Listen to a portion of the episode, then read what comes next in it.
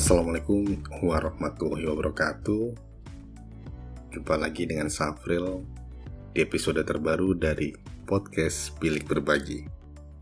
Teman-teman penyimak Podcast Bilik Berbagi Kali ini saya akan berbagi Tentang sebuah topik yang sering kali kita tidak menyadarinya Tapi lumayan membuat banyak orang termasuk kita tidak lagi bisa menikmati hidup yang sebenarnya. Kita akan ngomongin tentang work-life balance. Kalau teman-teman menyadari, entah teman-teman saat ini menjadi seorang pengusaha, karyawan, atau mungkin mahasiswa, kita pasti paham bahwa ada di antara kita yang belum memiliki work-life balance atau keseimbangan antara kehidupan pribadi di luar pekerjaan, di luar bisnis kita, di luar studi kita, dengan kehidupan kita pribadi. Jadi, antara pekerjaan, antara bisnis dengan kehidupan pribadi itu nggak imbang bebannya lebih banyak ke pekerjaan, lebih banyak ke bisnis, lebih banyak ke studi. Intinya kita nggak menikmati hidup. Di mana kita dikasih kesempatan oleh Allah bahwa kita perlu selain berkarya dalam hidup ini, kita juga perlu menikmati hidup ini. Sekarang kita coba lihat sebuah riset dari Go Remotely di mana 94 profesional hampir di seluruh dunia menghabiskan lebih dari 50 jam untuk bekerja setiap minggunya. Bisa dibayangkan nih, hari-hari dia berat sekali.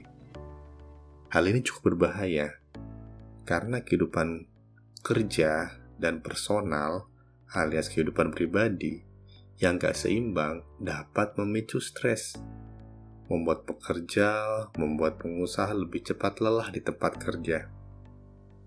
Lebih gampang kaget kalau terima WhatsApp atau pesan dari bos, dari klien, tiba-tiba langsung paranoid, melihat tumpukan berkas yang perlu dikerjakan. Istilahnya, hidupnya hanya untuk bekerja, hidupnya hanya diisi dengan deg-degan, stres, dan banyak tidak nikmatan lainnya. Di satu sisi, karyawan yang terlalu sibuk bekerja itu punya potensi untuk mengabaikan kehidupan yang dimiliki di kantor. Sampai-sampai keluarga, istri, anak, suami sering kali apa? terabaikan. Tapi juga kalau terlalu fokus dengan kehidupan pribadi, tanggung jawab pekerjaan bisa jadi terabaikan. Jadi sama-sama nggak balance. Nah, kira-kira gimana nih? Biar kita ada di titik equilibrium, titik keseimbangan, titik di mana kita bisa tetap berkarya tapi juga tetap menikmati hidup kita. Oke, saya coba rangkum ya dari beberapa kolega saya, klien saya, teman-teman saya, bagaimana tips dari mereka itu bisa mendekatkan diri mereka pada work-life balance, keseimbangan antara pekerjaan dan kehidupan personal atau pribadi.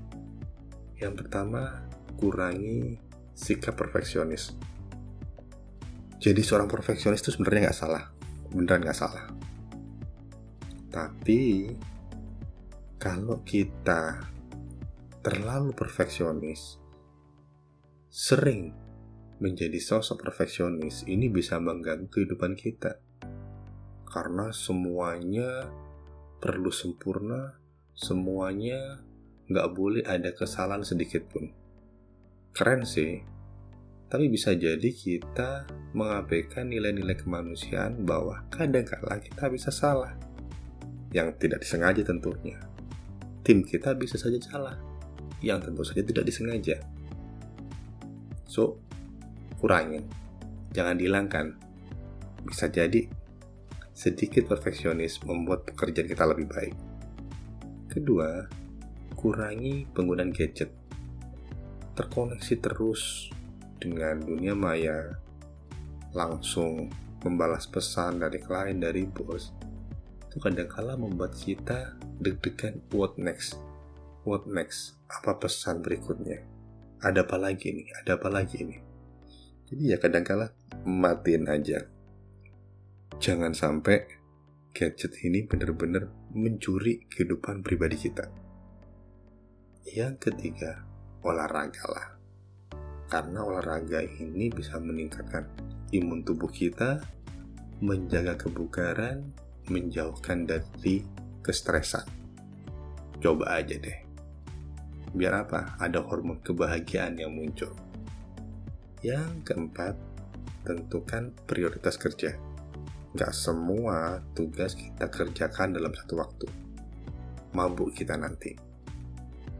Kerjakan yang paling penting dan yang paling perlu untuk kita kerjakan saat itu juga.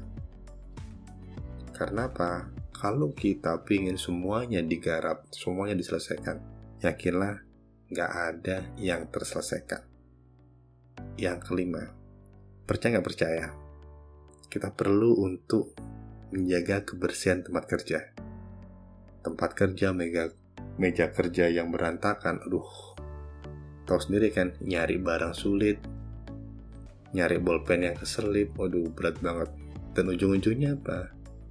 Nggak enak kan dilihat oleh mata sesuatu yang nggak enak dilihat oleh mata. Itu sering kali bikin hati nggak nyaman. Coba dibersihin dirapiin sehingga apa? Kita nyaman untuk bekerja. Yang keenam belajarlah berkata tidak. Nggak semua permintaan kolega, klien, bahkan bos kita turutin. Kita perlu kasih tahu ke bos kita bahwa kita juga punya kehidupan pribadi. Sabtu minggu kita nggak bisa diganggu, kita punya keluarga. Ngomong aja, tapi dengan cara yang baik. Kalau semua kita iakan, ingat tubuh kita itu hanya satu. Mereka butuh istirahat. Ya udah, katakan tidak, dan beristirahatlah dengan tubuh kita. 7. Coba deh, kita jangan membawa pekerjaan ke rumah. Ya walaupun sekarang work from home ya. Tapi intinya apa? Kita perlu ada batasan nih. Ini kantor mulai sampai jam berapa? Ini rumah mulai jam berapa sampai jam berapa? Istilahnya apa? Jangan sampai membawa pekerjaan di kantor ke rumah. Kenapa? Rumah harusnya home sweet home. Agar apa? Kita bisa ngobrol sama keluarga, kita bisa menikmati kenyamanan rumah kita, bukan memindahkan kesibukan dari kantor ke rumah. Ini berlaku untuk yang lagi work from home juga. Batasi jam kerja kita. Setelah itu, nikmati hidup Anda. Last but not least, teman-teman penyimak podcast Bilik Berbagi kita perlu paham bahwa mungkin memang susah untuk membuat work-life balance ini benar-benar balance. Tapi setidaknya kita perlu keras pada diri kita.